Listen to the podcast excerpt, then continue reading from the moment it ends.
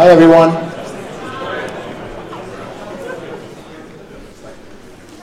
Welcome to the first uh, keynote session.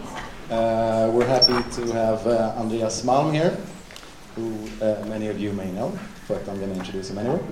Uh, Andreas Malm is a senior lecturer in human ecology at Lund University, as well as a prolific writer and journalist. His research and writings focus on the intersections of capitalism and climate change, as well as the politics of opposing the fossil capitalist system. Among his works are Fossil Capital, The Rise of Steam Power and the Roots of Global Warming, and The Progress of the Storm Nature and Society in a Warming wo- World. Uh, his keynote uh, address is titled How to Blow Up a Pipeline Strategies of Escalation in the Struggle Against Climate Catastrophe, which is kind of self explanatory. Um, it is also the title of an upcoming pamphlet that will be published by Verso. Yeah. Uh, and uh, his keynote will be followed by a short conversation with uh, Joachim uh, Andrian, uh, who uh, is involved in the Action Trainers Collective Climate Justice Program and, and the Gelände Mobilization, and he is right now also involved in Extinction Rebellion. And uh, after that, uh, we'll turn to the audience for questions as well. Uh, yeah, that's it. Thank you.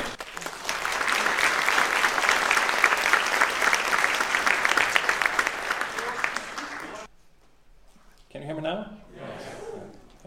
So what I'm going to say here is based on that little book that Moni mentioned, How to Blow Up a Pipeline, Learning to Fight in a World on Fire. But I, I've had to cut out nuances from the argument in the book, so it will appear more, even more, like an ultra-leftist deviation and more insane than it does in the unabbreviated version, but that is unavoidable. I hope you can bear with me. On the last day of the negotiations, we geared up for our most daring action yet. We had been camping out in a shabby gymnasium in the eastern part of the city for a week. During those days, we conducted a series of non-violent actions. One day we poured out of subway stations and onto a busy junction in the street. Um, and blockade, blocked the car traffic with banners calling for emissions to be slashed. The next day, we flooded a thoroughfare with an elaborate street theater. Dressed up as trees, flowers, and animals, we lay down on the tarmac to be run over by a vehicle built of carton and wood to symbolize business as usual. Striding through the flattened crowd, dressed up UN delegates carried signs saying blah blah blah and did nothing. And now it was the final day of the negotiations. Hired buses drove all the 500 of us to spots close to the venue. On signal, we marched to the building and tried to prevent the delegates from leaving by locking ourselves to the gates and chains and laying down on the ground, all the while chanting, No more blah blah blah, action now. No more blah blah blah, action now. This happened in 1995. The scene was COP1, the very first in the series of UN climate summits in Berlin, and I re- recognize at least one comrade in this hall who was there. Tord Björk is sitting over there. The delegates snuck out through a back door. Since then, total annual CO2 emissions in the world have grown by 60%. In the year of that summit, combustion of fossil fuels pumped more than six, six gigatons of carbon into the atmosphere. In 2018, the figure passed 10. In the 25 years after the delegates left, more carbon was released from the underground stocks than in the 75 years before they met.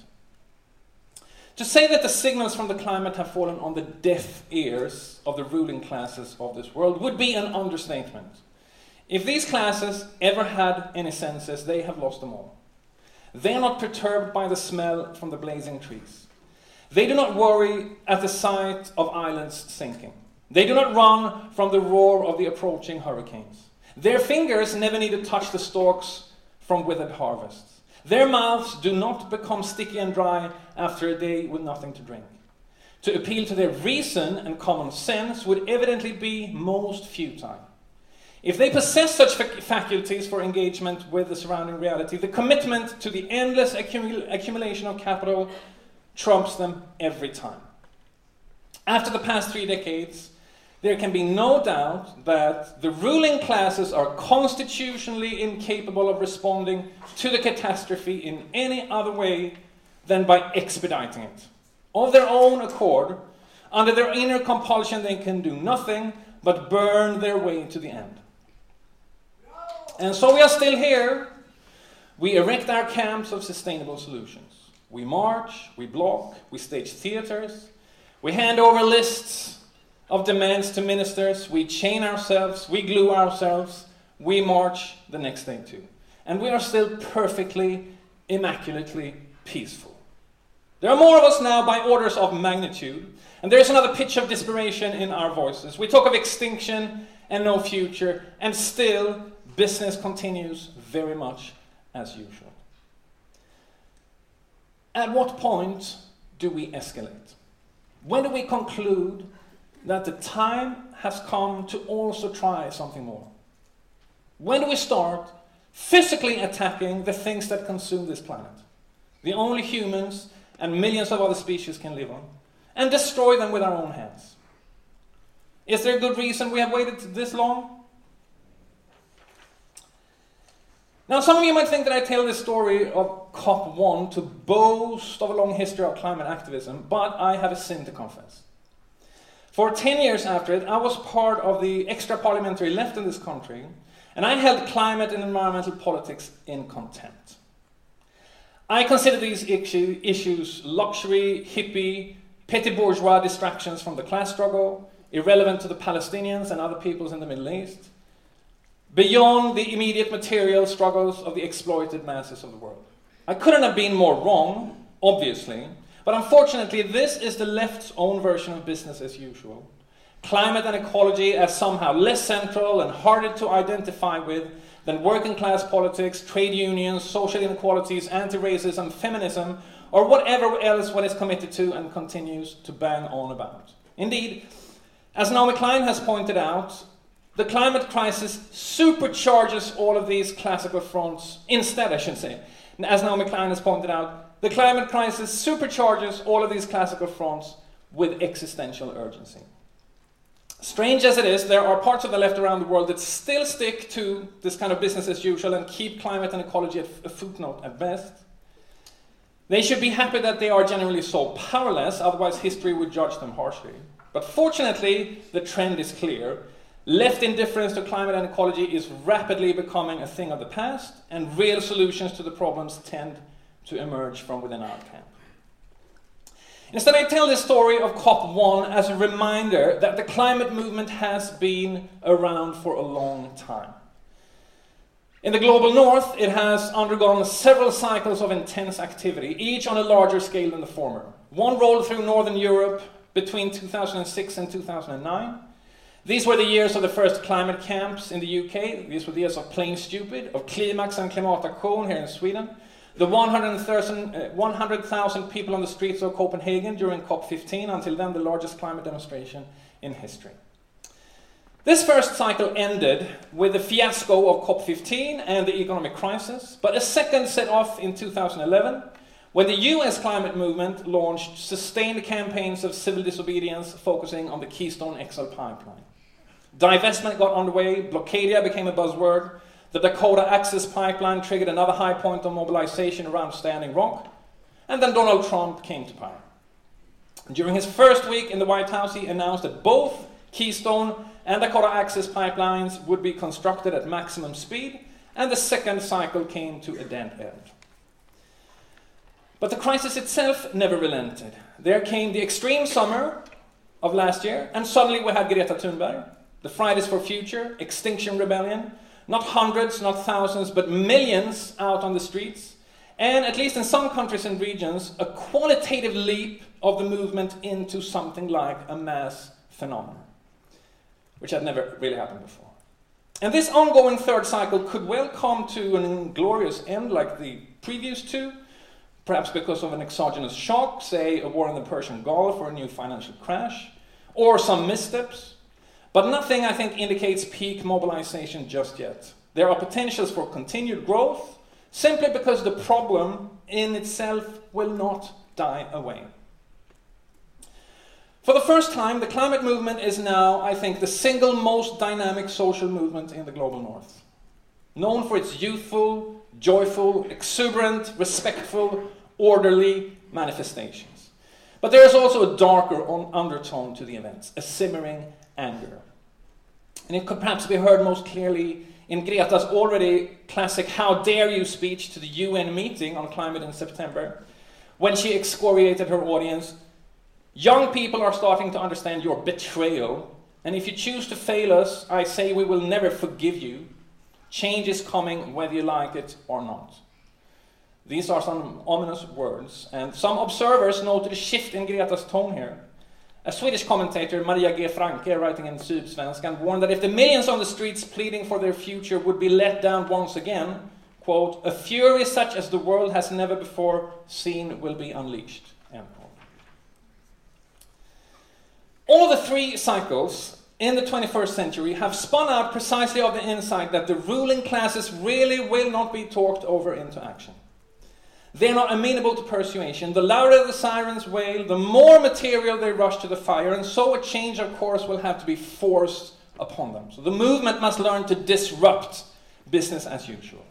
And to this end, it has developed an impressive repertoire blockades, occupations, sit ins, divestment, school strikes, the shutdown of entire city centers, the signal tactic of the climate camp, which I personally have a special fondness for, but which I won't have the time to deal with here.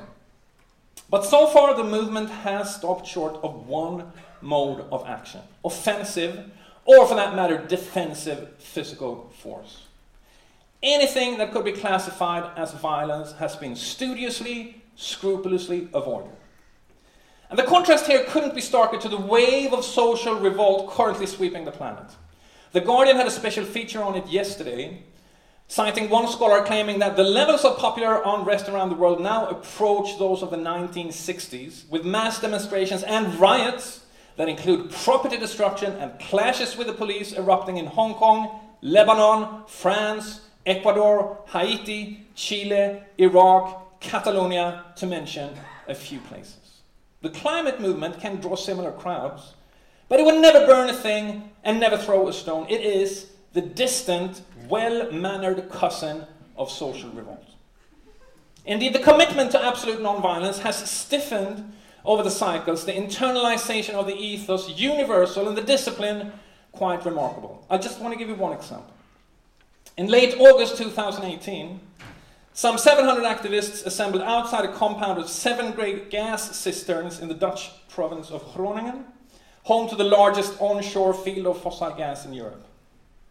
We erected an impromptu camp in front of the compound, blocking transportation in and out.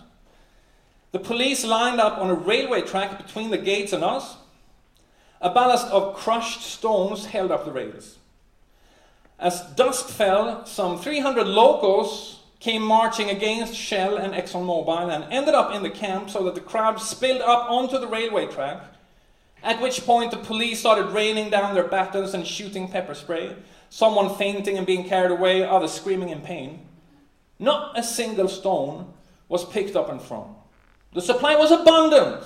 We were standing on top of thousands of stones. We could have pelted the cops, and after such an assault, other types of crowds would have responded in kind. The climate movement would not. And the strictures extended to property destruction. In Groningen, the action consensus every participant had to abide by solemnly pledged that we will not damage machine or infrastructure. Thus far, the movement for averting an uncontrollably spiraling climate catastrophe has not only been civil, it has been gentle and mild in the extreme. There can be no doubt that this posture has served the movement well. It confers upon it a bundle of well known tactical advantages. If the movement had employed black bloc like tactics from the start, it would never, obviously, have attracted those numbers. The bar for joining a disruption of business as usual is lowered by certificates and promises of peacefulness. Sorry.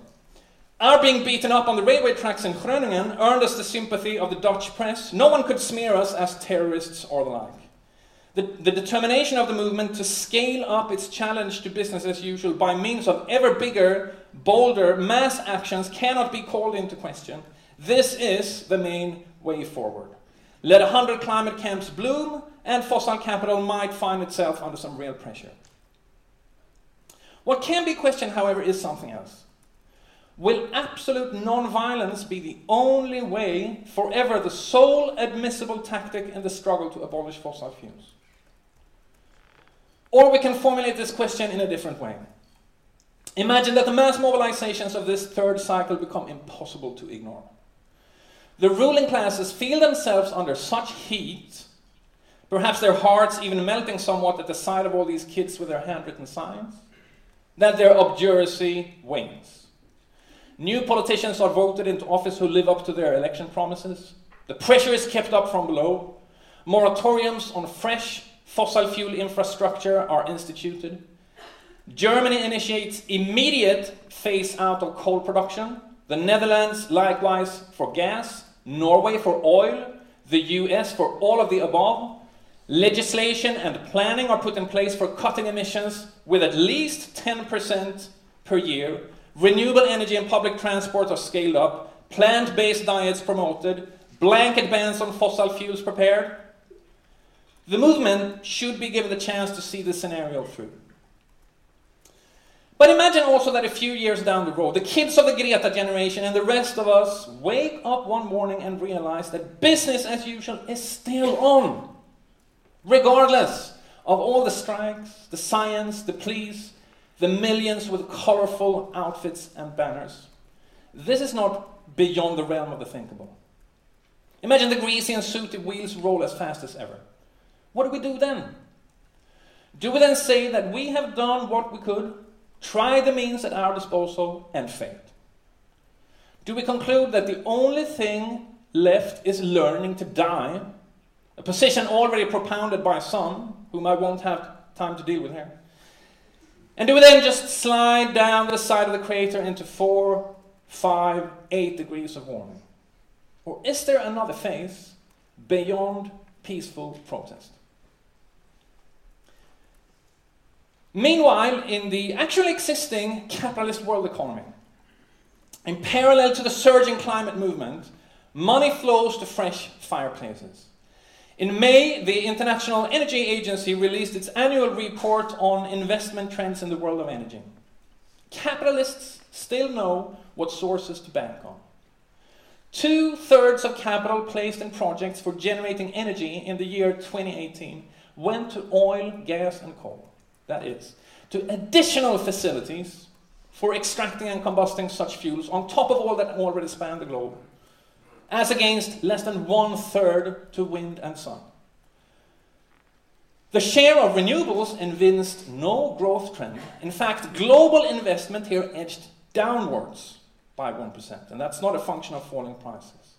Investment in coal, on the other hand, turned upwards for the first time since 2012 by 2%. That is, investment in brand new coal supply not only continued but increased, although not as fast as in oil and gas. For the third consecutive year, the amount of money streaming into upstream oil and gas, meaning infrastructure for delivering the fuels from under the ground, grew by 6%.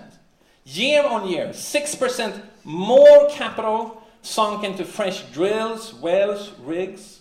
Investment in exploration alone is projected to shoot up by 18% this year. Nowhere on the horizon of ongoing capital accumulation can a transition from fossil fuels to renewable energy be described. Despite the latter source now being consistently cheaper, as noted by billionaire magazine Forbes. The International Energy Agency had the tact enough to notice a growing mismatch. Almost as if apologizing for its report, the agency acknowledged a growing mismatch between current trends and the paths to meeting the goals of maximum 1.5 or 2 degrees global warming. Put differently, the actually existing capitalist world economy not only operates in fundamental disconnect from the sense and science of a planet under fire, not to speak of all aspirations to cool it down, the disconnect is widening. And just the other week, The Guardian published a series of revelations of how much fossil capital prepares to burn the world's 50 largest oil, co oil companies are poised to flood markets with more of the fuel, most aggressively Shell and ExxonMobil, which plan for production to increase by 38 and 35% respectively until 2030. These circuits of accumulation are deeply intertwined with financial capital. As The Guardian also revealed, the three largest asset managers in the world, together handling assets worth more than China's entire GDP, continue to pour money into oil, gas, and coal at an accelerating rate. Nothing could possibly be more antithetical to the needs of people and planet. How can capitalists go on like this? Current investments, one study observes, can be seen, quote, as an indication that investors do not believe in future climate policy or that they are confident in their own lobbying power. They still feel that they own the world. Fixed capital of this size is normally subject to risks and sensitive to the anticipated policy context. Given the money involved, it would be imprudent to undertake these investments if swings and alterations in the economy threatened premature devaluation, let alone liquidation of the property, but nothing of the kind is in the cards. These capitalists do not see any wrecking balls coming their way. They think they have nothing to fear. How am I doing for time? I'm not really seeing the, the clock over here. You've gone 18 minutes. 18 minutes. Okay. Many in the climate movement and most of its intellectuals would shudder at the thought of another stage beyond absolute nonviolence, for a particular doctrine has taken hold of the movement, that of pacifism. It comes in two main forms moral and strategic pacifism. The moral version is still very present in the movement, but I will bracket it here and instead concentrate on its strategic twin.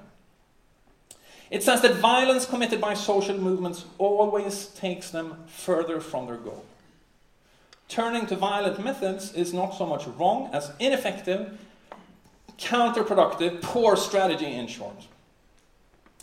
Although derived from and accented by the moral source, it is this strategic doctrine that has gripped the imagination of the movement, and it is Extinction Rebellion, or XR, that has codified it most stringently.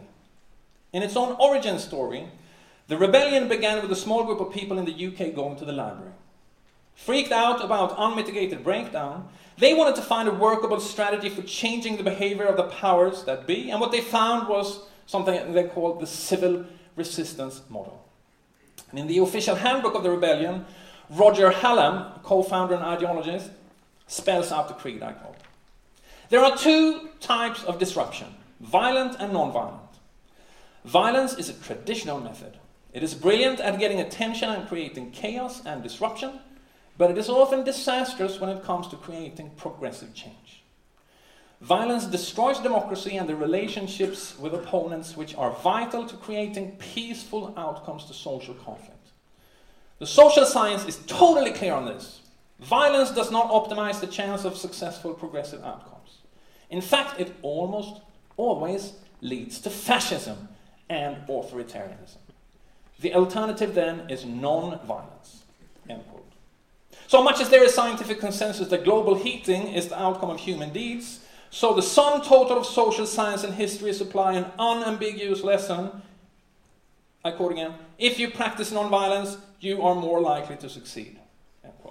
It follows that popular mobilization against impending extinction, quote, has to stay nonviolent. As soon as you allow violence into the mix, you destroy the diversity and community basis upon which all successful mass mobilizations are based. Full compliance with this command is, quote, rule number one for all participants, end quote. So rebels are instructed to offer flowers to the police. Such strategic pacifism is deduced from a particular reading of history. It has set the climate movement in the global north bubbling and fizzing with references to struggles past. If they could prevail, the reasoning goes, so can we. If they change the world by all means but violence once, so we shall save it. And the argument is not that violence would be bad at this particular moment, say because the level of class struggle is so low in the global north that adventurist actions would only rebound and suppress it further, words that would never pass XR lips. Nor that it might be expedient only under conditions of severe repression. Instead, strategic pacifism holds that violence is bad in all settings, because this is what history shows. Success belongs to the peaceful. The roster of analogies begins with slavery. If the abolitionists could turn the tables on that nefarious institution, so long taken for granted as a natural part of modern economies, through boycotts, mass meetings, and thundering denunciations of iniquity, then we will do the same. And we got an excellent example of this way of reasoning in Dagens Nyheter the other day in a full page essay by Björn Ola. Abolition is here conceived as a reprogramming of ethical codes. Slavery went from foundation or abomination, and fossil fuels would go the same way, and the abolitionists as armed with moral force.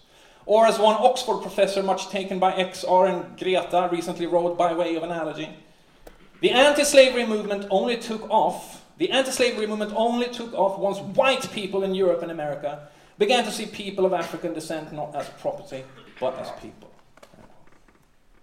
And then there were the suffragettes, much invoked by XR, and of course Gandhi, and the civil rights movement, and the victory over apartheid, and the fall of Hosni Mubarak on Tahrir Square, and other episodes that all bekey the moral of strict non-violence as the royal road to climate stabilization. Based on this kind of analogies, strategy, strategic pacifism, pacifism is now utterly hegemonic in the movement. How should its narrative be assessed? What? What?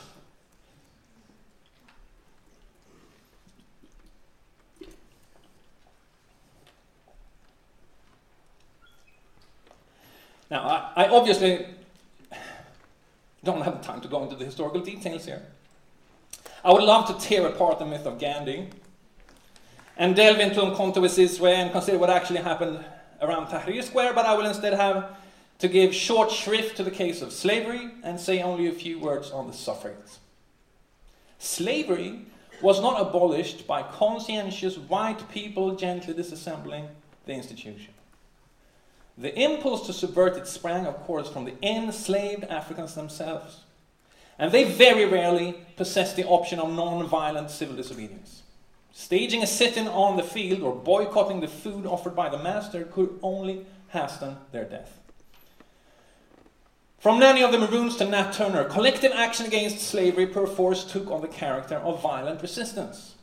The first sweeping emancipation of slaves occurred in the Haitian Revolution, hardly a bloodless affair.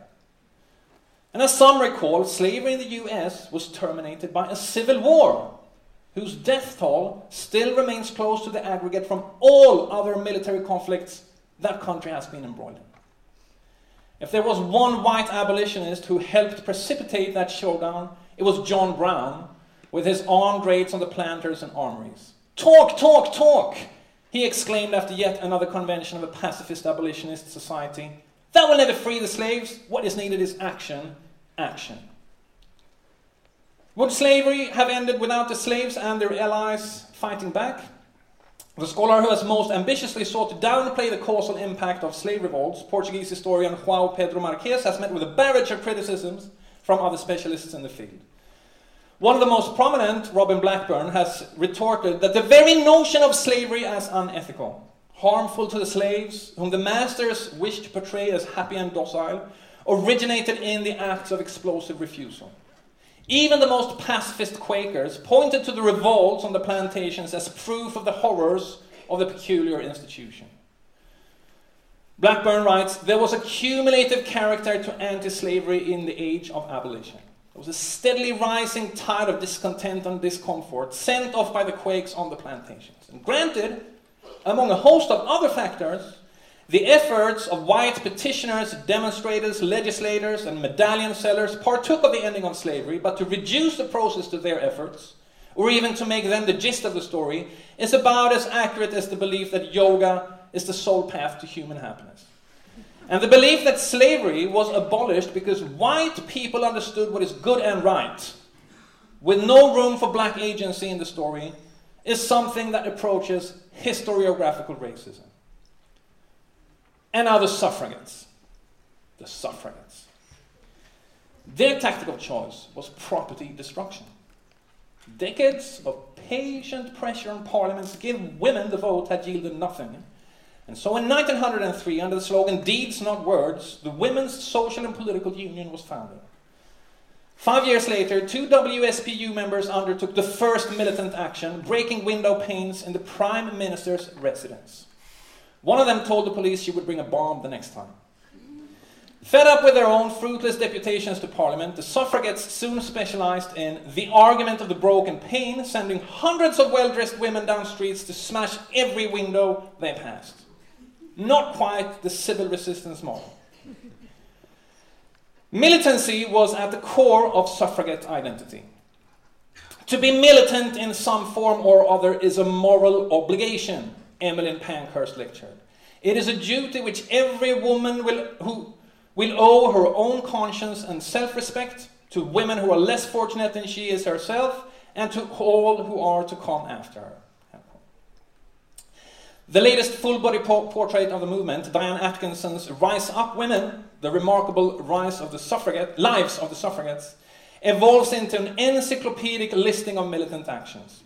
Activists forcing the Prime Minister out of his car and dousing him with pepper, hurling a stone at the fanlight of Winston Churchill's door, setting upon statues and paintings with hammers and axes, planting bombs on sites selected for royal visits, fighting policemen with staves, charging against hostile politicians with dog whips, breaking the windows in prison cells, and so on and so forth. Such deeds did not exclude but went hand in hand with mass mobilization. The suffragettes put up mammoth rallies, ran their own presses, went on hunger strikes, deployed the gamut of nonviolent and militant action.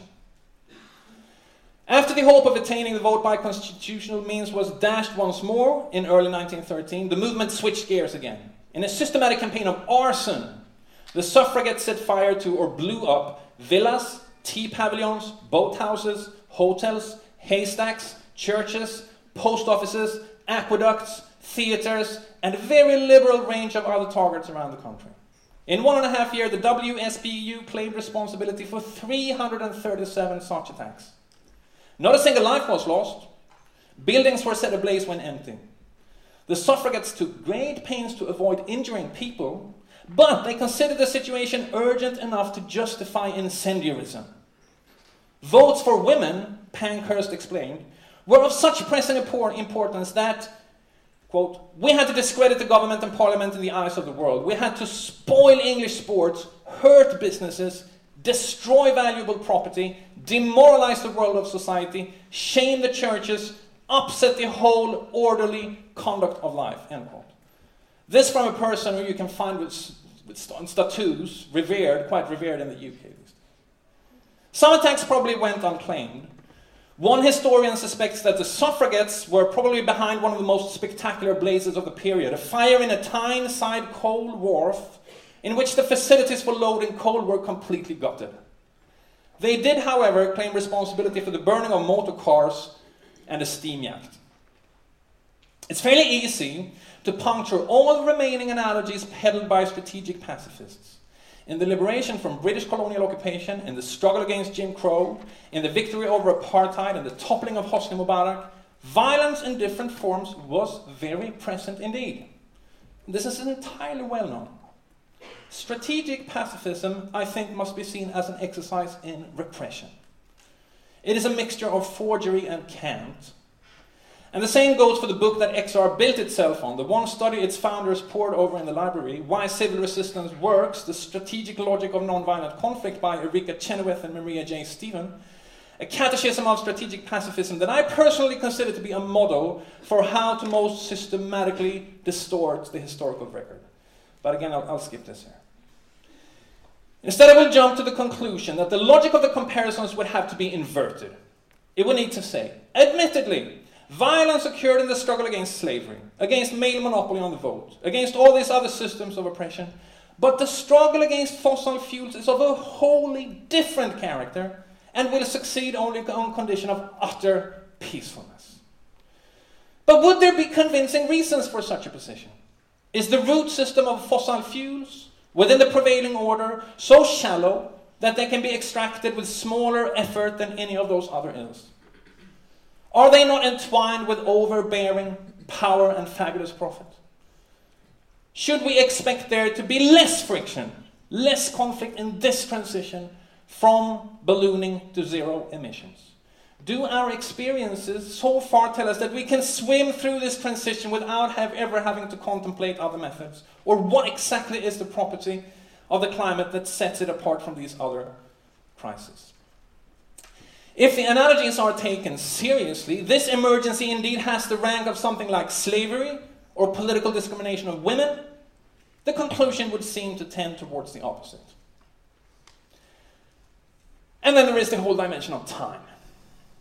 Around COP1, few would have thought that two or three decades down the line, the economies of the world would discharge nearly one gigaton of carbon per month. The corporations busily plan for augmented capacity to combust fossil fuels, and the governments preside over it all proudly or passively. Officially, responsiveness to the crisis has exceeded all expectations. So has, no less faithfully, the response of the climate system. At the top of COP1, at the time of COP1, few scientists foresaw that the land and the ocean so soon would fail to soak up the gases emitted, become overfilled and disturbed, and start leaking and puffing carbon dioxide and, and methane at the rate now reached. So we find ourselves between two blades of a scissor. On the one hand, unbending business as usual, taking emissions ever higher and confounding hopes for mitigation.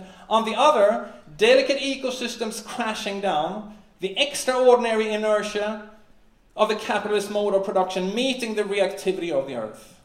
This is the temporal predicament in which the climate movement has to devise meaningful strategies.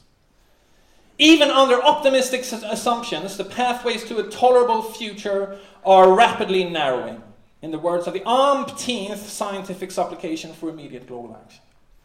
Some months back, a team of scientists published an overview of the global investment landscape in nature and concluding that limiting warming to one and a half degrees still remains technically possible on two conditions. First, to have a reasonable chance of respecting that limit, human societies would have to institute, quote, a global prohibition of all new CO2 emitting devices. Now, the likelihood of the ruling classes implementing a global prohibition of all new CO2 emitting devices because scientists tell them to, or because billions of people would otherwise suffer grievous harm, or because the planet could spill into a hothouse, is about the same as them lining up at the foot of the steepest mountain and meekly proceeding to throw themselves off the summit. So here is what a climate movement of millions, many millions, could do for a start. Whether it will do it is another matter, but here is what it could and perhaps also should do. Announce and enforce the prohibition. Damage and destroy new CO2 emitting devices. Put them out of commission, pick them apart, demolish them, burn them. Let the capitalists who keep on investing in the fire know that their properties will be trashed. The immediate purpose of such a campaign against CO2 emitting property would be to establish a disincentive to invest in more of it. It will not require that all new devices be disabled or dismantled, only sufficiently many to credibly communicate the risk. Strict selectivity would need to be observed. There was a randomness to the property destruction undertaken by the suffragettes, which perhaps served the purpose at that time but wouldn't do so now. If activists from the climate movement were to attack post offices and tea pavilions and theaters, investors would not be dissuaded from anything in particular. It would have to be cold wharfs and steam yachts only this time. But just like the suffragettes sought to twist the arm of the state on their own, they could obviously legislate no voting rights. The aim would be to force states to proclaim the prohibition and then, of course, begin retiring the existing stock of devices. In the words of another study, the current global energy system is the largest network of infrastructure ever built, reflecting tens of trillions of dollars of assets and two centuries of technological evolution, more than 80% of which energy still comes from fossil fuels. No one in his or her right mind would think that bands of activists could burn very much of that to the ground, or indeed that such a fire would be unequivocally desirable. At the end of the day, it would be states who ran through the transition, or no one will. But the states have fully proven that they will not be the prime movers. The question is not if sabotage from a militant wing of the climate movement will solve the crisis on its own, clearly a pipe dream. But if the disruptive commotion necessary for shaking business as usual out of the ruts can come about without it,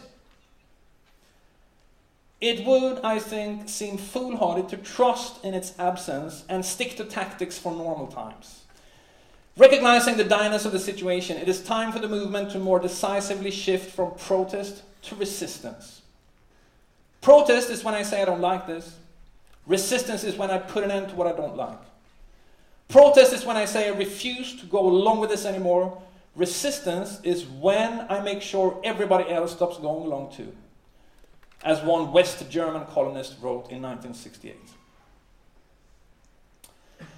Small steps in this direction have already been taken. On the night when Donald Trump got elected president, two Catholic workers, Jessica Reznicek and Ruby Montoya, trespassed onto a site for construction of the Dakota Access Pipeline. They brought coffee canisters filled with rags and motor oil, placed them on the seats of six pieces of heavy machinery, and lit matches. Five of the six were burnt out. Autodidacts in the field, Reznicek and Montoya then learned to use welding torches with oxygen and acetylene to burn through the steel in the pipes. Protective gear on, they raided the pipeline up and down the state in the spring of 2017 and pierced holes in it, compressing the action into seven minutes of hit and run. Then they returned to arson. Equipment at multiple sites were set on fire with parcels soaked in gasoline. The attacked property belonged to Energy Transfer, a conglomerate of pipeline companies on whose boards one could find Rick Perry, Secretary of Energy under Donald Trump. Reznicek and Montoya had immersed themselves in the movement against the Dakota Access Pipeline, and they reacted to defeat not by capitulating, but by moving on to the next phase.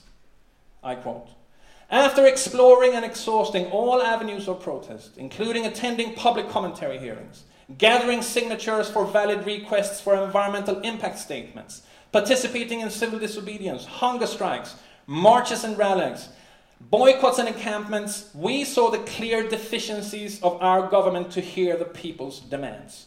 The two Catholic workers explained in their community. Eventually, they resolved to come out and confess responsibility for what they had done. We are speaking publicly to empower, empower others to act boldly with purity of heart to dismantle the infrastructure which deny us rights to water, land, and liberty. Reznicek and Montoya told a press conference. Their sabotage delayed construction of the pipeline for an uncertain number of months, but no matter how frequently they perforated it, two individuals could not on their own obviously bring down the juggernaut. That would have required organized upscaling. Another few cases notwithstanding, the movement has by and large left property destruction an untried tactic. What if it became more than a one off occurrence? What if hundreds or thousands followed in the footsteps of Reznicek and Montoya? On what grounds could that be cause for regret and condemnation? Well, I don't think there would be a shortage of objections to it. Bill McKibben is a moral and a strategic pacifist and the greatest leader of the climate movement before Greta came along. I once asked him after an energizing speech to a capacity crowd when, given that the situation is as urgent as he portrayed it and as we all know it is, we escalate. He was visibly ill at ease. The first part of his response presented what we might call the objection from asymmetry. As soon as a social movement engages in violent acts, it moves onto the terrain favored by the enemy who is overwhelmingly superior in military capabilities. The state loves a fight of arms, it knows that we win. Our strength is in numbers. This is a pet argument for strategic pacifists, but it is disingenuous. Violence is not the sole field where asymmetry prevails. The enemy has overwhelmingly superior capabilities in virtually all fields, including media propaganda, institutional coordination, logistical resources, political legitimacy, and above all, money. If the movement should shun uphill battles, a divestment campaign seems like the worst possible choice, trying to sap fossil capital by means of capital. There is a centuries or even millennia long history of slingshots, downing Goliaths, and other tactics ingenious enough to find cracks in the armor. To take but one recent case, as part of the mass resistance in the besieged Gaza Strip in the spring of 2018, Palestinians invented techniques for flying kites and inflated condoms with incendiary materials across the wall to burn Israeli property. The most powerful state in the Middle East, armed to the teeth with atomic bombs and the most sophisticated systems for intercepting rockets, stood helpless before these lumpen missiles from the most thoroughly deprived fragment of people. No law says that asymmetry in this particular field can ever be overturned from below, nor that violence must conflict with the strength of numbers. Rather, unarmed collective violence of the kind we're seeing on a daily basis right now, from Santiago to Nasiriyah, is one expression of that strength, one way of bringing down the seemingly invincible. Property destruction has always been essential to it. Can it ever acquire mass proportions in the climate struggle? Well, I think only if the movement first overcomes the taboo against it. But not everyone can mix a Molotov cocktail or cook a coffee canister with motor oil. This is the objection from demography, averring that non-violence is inherently attractive to the masses and violence exclusionary. And sure, there's truth in this. The festive atmosphere in the square, taken over by protesters, has more to speak for it and less to scare people away than a mayhem of stone throwing. This is one reason why, one, non violent mass mobilization should, where possible, be the first resort, militant action only the last. And two, no movement should ever voluntarily suspend the former, only consider giving it appendages. That said, the mass appeal of the civil disobedience etiquette can be overblown. XR has gone out of its way to shower the police in love. In the handbook, we learn that rebels should seek to, quote, actively try to get arrested, end quote. And that this desire is, quote, at the heart of the Extinction Rebellion. Well, this appeals to some people. As pointed out in an open letter to XR after the London Spring Uprising earlier this year, written by Wretched of the Earth, a network of climate activists of color and uh, other allies in the movement, throwing oneself into the arms of the police is a sign of privilege. People from racialized communities might hesitate to do so. Middle class whites can count on the good manners of the cops, not so working class Muslims or blacks or migrants without papers. This might be one reason why XR, in its first year of existence, has been plagued by a whiteness out of all proportion to the demography in the cities where it has acted. Others would feel summoned by a more confrontational or evasive approach to the repressive state apparatus.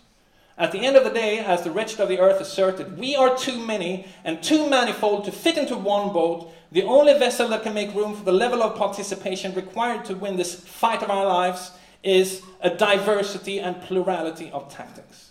Yes, such diversity and plurality would open for internal tensions, which no movement that has altered the course of history has done without.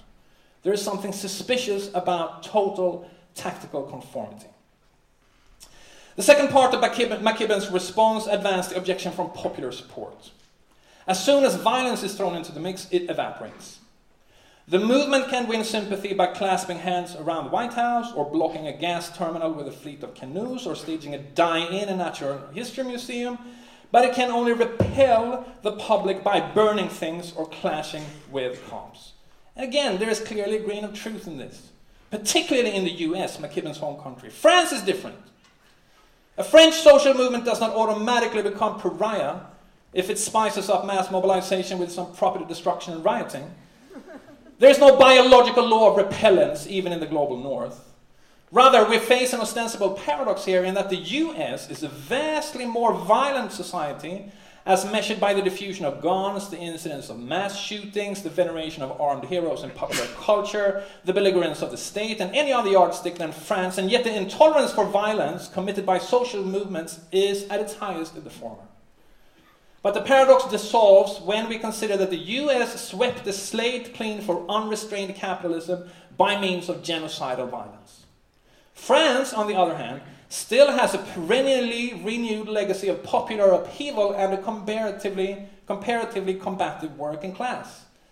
The tolerance for subaltern violence stands in inverse relation to the absoluteness of capitalist domination and the consequent suffusion of violence in a social formation. American allergy, in other words, is a pathology. More than Americans, however, live in sick societies, and activists obviously have to learn how to behave inside them without instantly alienating their intended audiences. But neither should they take public aversion to even the softest sabotage as a natural fact. Levels of receptivity are contingent on time, and this must hold in particular for the climate struggle. At 6 degrees of heating, the itch to blow up pipelines might be well nigh universal among whatever humanity remains. We should posit a law of a tendency of the receptivity to rise in a rapidly warming world. Anything else would be to presume a species wide death wish. If fossil fuels continue to be combusted and temperatures to climb, physical attacks on the sources of the more and more dreadful, less and less deniable calamities should resonate with broader and broader layers. The only interference with this tendency would be an actual annulment of business as usual, a Green New Deal or some similar policy package breaking the curve and moving towards zero. Then property destruction would appear superfluous to many. This would, of course, be the best case scenario to which all efforts should contribute. In its absence, receptivity must go up from however low levels because climate breakdown does not smolder, it has no stasis. It will be exacerbated by biogeochemical and physical processes that cannot be negotiated. And in the light of this temporality, typical prognosis of popular support for violence would need to be revised. Do I have another few minutes? Yes. Yes, I'm soon. The problem, of course, is that blowing up a pipeline in a six degrees world would be to act a little late in the day. Should we wait for approval from a near consensus, a majority, a big minority, the task of climate activists cannot be to take an existing level of consciousness as a given, but rather to stretch it. Climate activists should walk ahead, not too far from the masses, which would lead to isolation, nor in the median or in the rear, which would obviate their mission. They must prepare to be calumniated by some, anything else would be proof, proof of inefficacy, while steering clear of tactics that would put off too many. This is the tightrope walked by any working vanguard. Actions should be undertaken if plan, goal, and execution can be explained and garner support in an intimate relation to the existing consciousness to be pushed up a notch. And this is one of many reasons why it would obviously be a very bad idea to assassinate the coal executive or fly an airplane into an ExxonMobil skyscraper. Intelligent sabotage is something else. It should be explainable and acceptable to enough numbers in some places, and if not today, then surely after a little more of this breakdown. Time and timing are of the essence here. Every extreme weather event now blows with the force of accumulated emissions and gives a foretaste of misery to come. That should be the moment to strike and stretch. Next time the wildfires burn through the forests of Europe, take out a pipeline. Next time a Caribbean island is battered beyond recognition, burst in upon a Shell headquarter.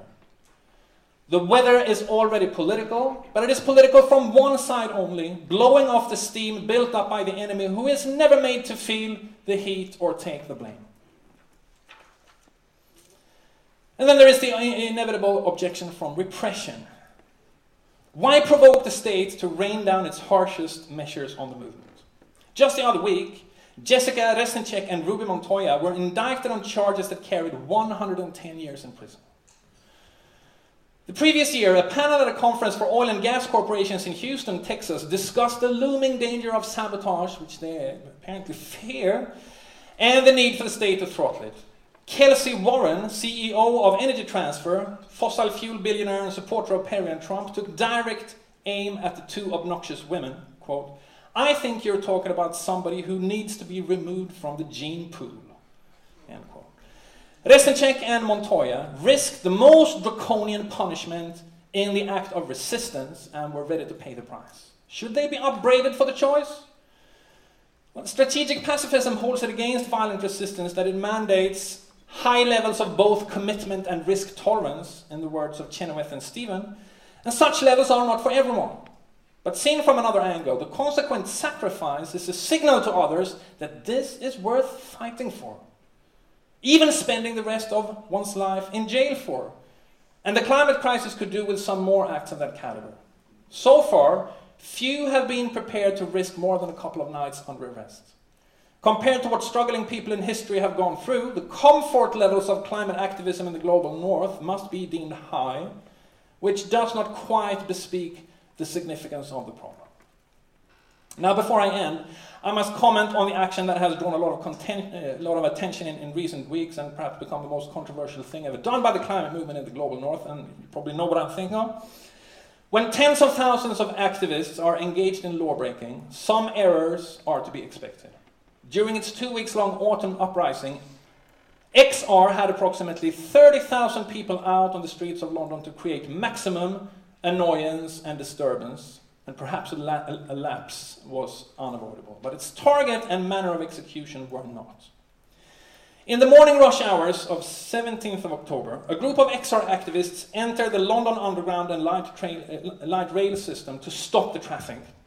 Two of them brought a ladder into the Canning Town tube station in the eastern part of the city, placed it against the train, climbed on top of the roof, and unfolded a banner reading business as usual equals death. Commuters on the platform were first baffled and then furious. They appeared to have belonged to the city's largely non white working class. On the many films circulating afterwards, one voice can be heard shouting, I need to get to work, I have to feed my kids. The crowd surged towards the train, screaming for the men to calm down. One commuter, incidentally a black man, in blue jeans and a plain beanie, tried to climb onto the roof, at which point one of the activists, incidentally a white man in a suit and a tie, aimed a hard kick at his head. White men on top, kicking black men below, then being dragged down onto the platform and set upon. Causing an uproar in the city, the incident marked a disgraceful end to the autumn uprising. But what constituted this as the stupidest action ever undertaken by the climate movement in the global north was the response by XR London, hub of the global rebellion. It had the opportunity to wash its hands of the men in the tube, but instead the official statement exonerated the kick against the head as an act of self defense. Excused the activists by appealing to their high characters, quote, they were a grandfather, an ex Buddhist teacher, a vicar, and a former GP, among others, end quote, and defended the action as planned, quote, within Extinction Rebellion's principles and values centered around non-violence and compassion. One of the co-founders went on BBC to bless the action as peaceful and non-violent. Others in XR London, a majority, according to one poll, vehemently opposed it. But given the amount of self-policing and internalization of tactical principles the movement has proved itself capable of, one has to ask how this slipped through. Three factors are immediately apparent. First, and uh, uh, yeah, this, this, this, uh, a full elaboration of this argument will require more time. But first, the strategy of XR has been to wreak generalized, but mind you, non-violent, havoc on the urban fabric in the belief that this will force politicians to respond adequately to the crisis. This is how change happens, Roger Hallam and the other ideologists have taught. The fossil economy is here understood as something similar to a dictatorship. And that's a category mistake that licenses the targeting of pretty much anything for disruption. Hence the fantastic fallacy of stopping an underground train.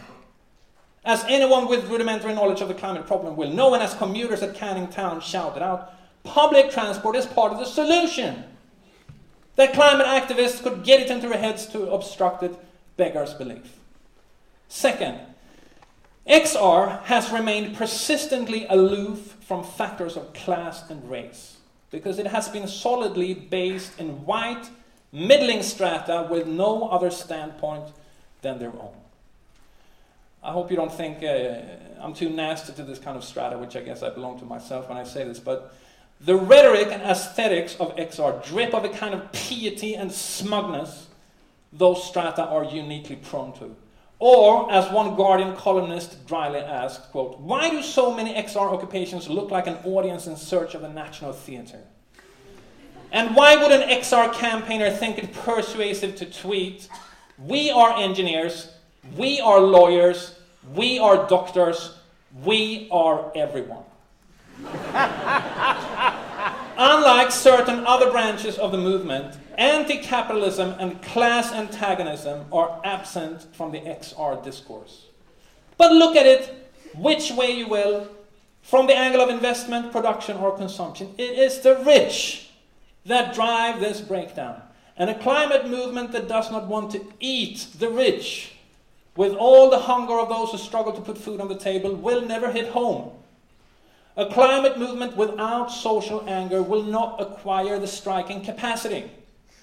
It should have no difficulties developing the point. Not only do the rich make our lives miserable, they are working to end lives of multitudes. But this seems unlikely to happen within the frames of an organization like XR.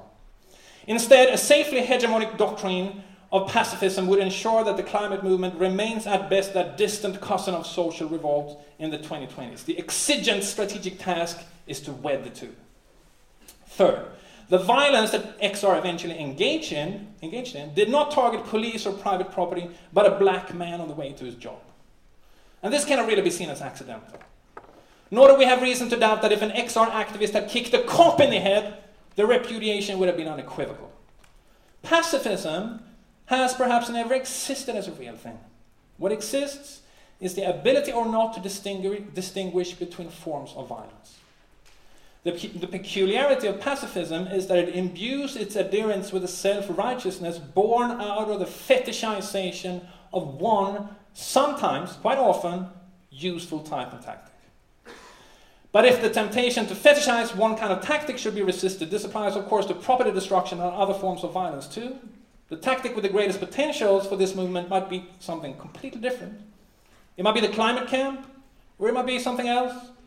General strikes by industrial workers for a Green New Deal would be nice, for instance. My central claim is that we need to have a more open discussion about tactics for the climate movement in the years ahead. I hope you don't think I'm too crazy in saying this, but perhaps I am.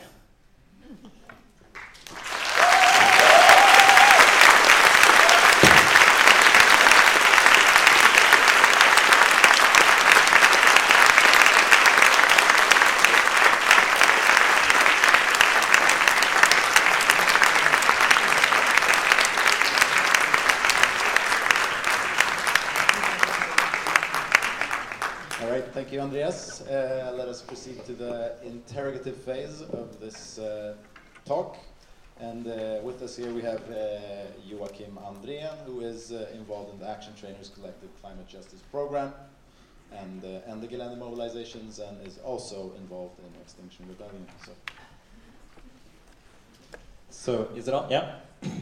so, um, thank for the bravery of you of inviting XR activists to uh, question me after, after this. I think um, his decision. Okay, right. Yeah, yeah, yeah. All right. So uh, I want to talk about strategy and I want to talk about tactics, and uh, we can't do that with, with, without looking at what, what do we have now. And uh, there are many things I would like, like to talk about uh, about XR in uh, in a long in a longer session, but I will now start the most relevant parts. XR is the, uh, is the biggest disruptive movement that we have right now. And, uh, and despite the idiots in our movement, despite the tactical misjudgment, despite the historical mis misreading, we are uh, the most dis disruptive movement that, uh, ex uh, that exists in the, in the climate or eco ecological movements right now. Uh, and the recent growth in the movement has been has happened not despite but because of its uh, its uh, non-violence. And uh, and it, it's very important to not throw out the baby with the, with the bath bathwater here because I've uh, I've been involved in many trainings and I've seen over the, over the over the past years the movement growing from it, I'm now talking about Sweden, growing from dozens to thousands of people ready to uh, ready to block infrastructure, ready to shame themselves, ready to engage in all sorts of disruptive activities. And now we're not talking about law lawyers, now we're talking about librarians, truck drivers, caretakers. Um, and I've seen this happen. And uh, we, have seen the increase, increased disruption, we've seen the uh, folk mot hap uh, happening in the, in the nonviolence uh, movement in Sweden uh, that uh, eventually ended, the, ended the um, expansion of the, uh, of the Gothenburg coal mine. We've seen unprecedented organizational strength uh, in the north. Um, and uh, uh, and right now it's very popular to to, uh, to, bash XR, and all groups want to uh, want to put their own strategies into XR or say that XR should should do this instead, or XR is is worthless for, for, for these reasons. But at the same time, we need to ask why hasn't that, uh, those tactics works, worked yet? And why did XR happen? so I want, want to talk to talk about them a, a little bit in relation to each other as, as you have uh, as you have started with. Um, so first of all, um, how if, if we engage uh, if uh, if the movement would engage in, in these uh, militant actions, uh, if we if we enforce what did you say? Enforce a prohi- pro- prohibition on all new infrastructure. How would that lead to power? How would that lead to uh, to shifting uh, to shifting the, the ways governments act, to, shi- to to building possibilities for a, for a stronger movement, to transitioning our societies, um, and all that stuff? How? Shall I respond? Yeah. so, f- first of all, I, I just I just have to give you right in everything you say about XR.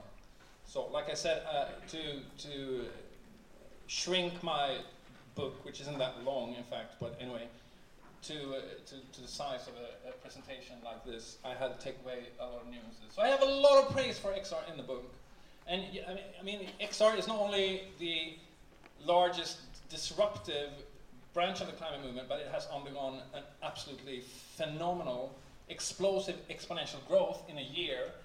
And you can only feel humble when you look at what, what, what those people have achieved. You, don't need to praise it. I guess No, no, yeah, yeah, yeah, but, yeah, but I wanted to have that for the record because I just sound like one of the one more of those ultra left leftist XR basher, and maybe I am, but I'm, I hope I'm a little bit more nuanced.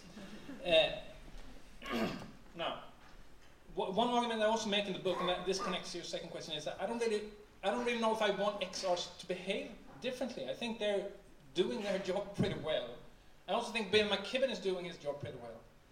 But uh, one, one uh, current in social movement theory and research that I've drawn um, when, I, when I think about it is the radical flank effect theory. Closer to the mic. Yeah, the, the theory of the radical flank, and to, to make to make things very uh, short and simple here. So this is based on the study of the civil rights movement in uh, in the United States, and in the 1950s and early 60s, this, the civil rights movement led by Martin Luther King and his circle appeared very radical, not to say extremist, because it incited people to break laws and go to jail.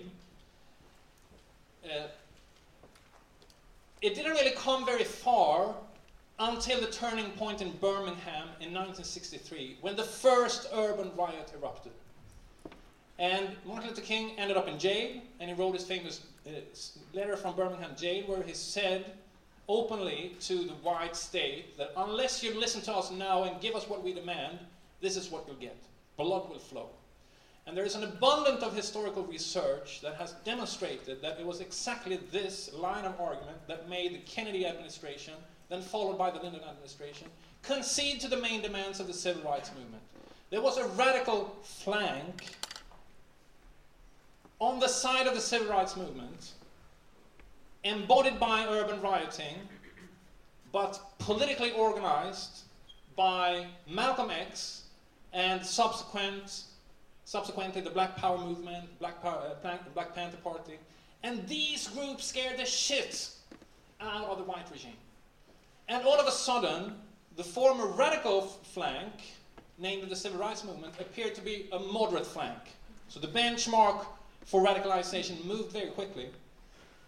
And at that point in historical time, the main concessions in the form of the Civil Rights Act of 1964 and the other uh, legislations that ensured the, the, some of the fundamental human rights of black people, we know all their problems, but anyway, happened precisely when there emerged a radical flank. Does the climate movement have a radical flank? Well, right now it looks like XR is the radical flank. So the analogy here would be that we are somewhere before the Birmingham riot. We're in the late 1950s or early 1960s when people who incite to civil disobedience, non-violence, law-breaking appear to be radical. But those groups, history tells us, and you, you, you see, you can, you can use the radical flank theory to, to explain the whole development of the labor movement in Europe, we wouldn't, as you know, we would never have had a, a people's home, a welfare state, and with all of it, without the threat of a radical flank to the left and to the east of the mainstream labor movement. This is how social reforms are won, with the threats of revolutionary uh, advances or even some extent of chaos. So far, I don't think that the, the climate movement has had a radical flank. Greta is often compared to Rosa Parks, which I think is quite adequate. You know, there are all these analogies floating around. You have to see the very uh, considerable concrete differences in all these cases. But yes, there is some similarity between how Greta, as a, as a lone individual, kicked off an entire movement just as Rosa Parks did. But I don't see the climate movement having a Stokely Carmichael or an Angela Davis or someone like that. And I think before it has persons like that, leaders, groups like that, there will be something lacking. And I, so, I would never say that, that, that acts of sabotage as such will somehow catapult the climate movement into state power. Obviously not. But if you look at processes where social movements have enforced changes, uh, in, in, in societies reasonably similar to our own over the past century, let's say, you see very, very rare cases where major changes have been made without threats of militant violence.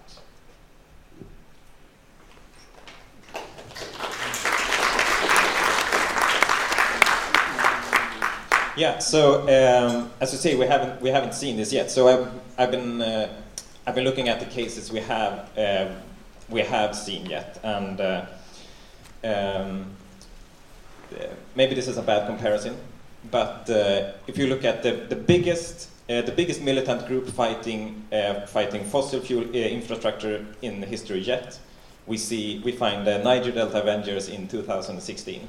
they destroyed a lot of oil infrastructure in the Niger Delta. Um, and they weren't uh, as I know, they didn't care about climate change at all. They were fighting neocolonization um, and, and the results of the uh, of the oil um, of the oil, oil, oil drilling in the Niger Delta. Um, and one of the things one of the things they um, uh, they accomplished was destroying the state budget uh, and um, uh, and um, just that destruction that comes from uh, from the state budget and and uh, what what you are uh, what you want to happen is the is, is for the state to uh, invest in uh, invest in that transition.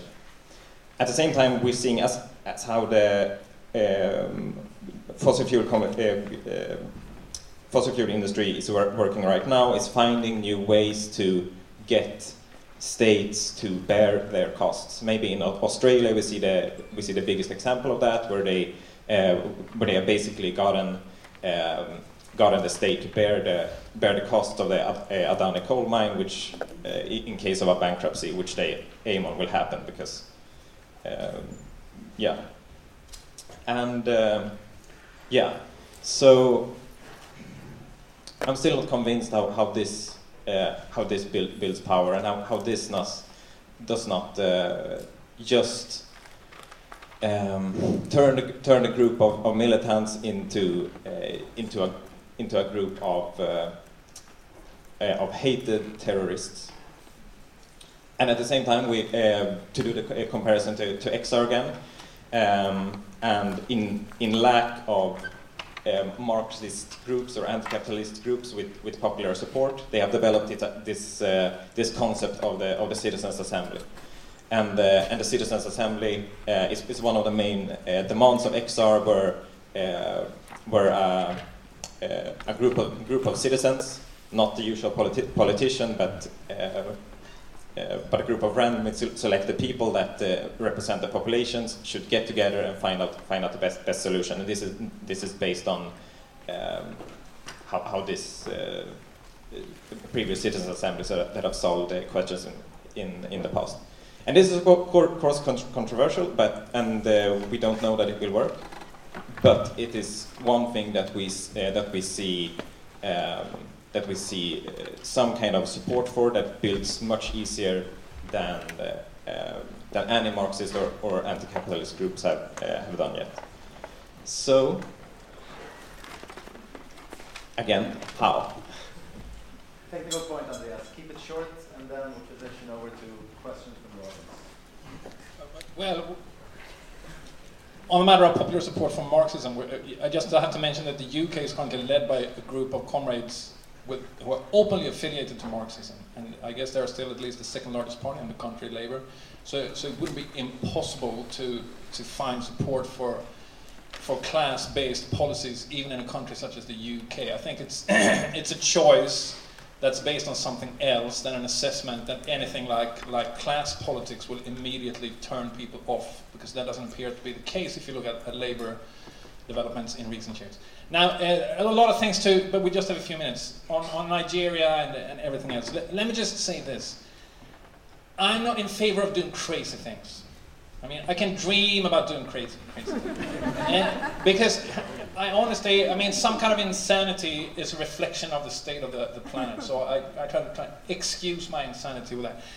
But look, look at, look, for instance, the attack that ha- happened in Abqaiq, the world's largest oil refinery, where some drones from the Houthi rebels a few weeks back swarmed in and just took out half of Saudi Arabia's oil supply. Not a single human body injured.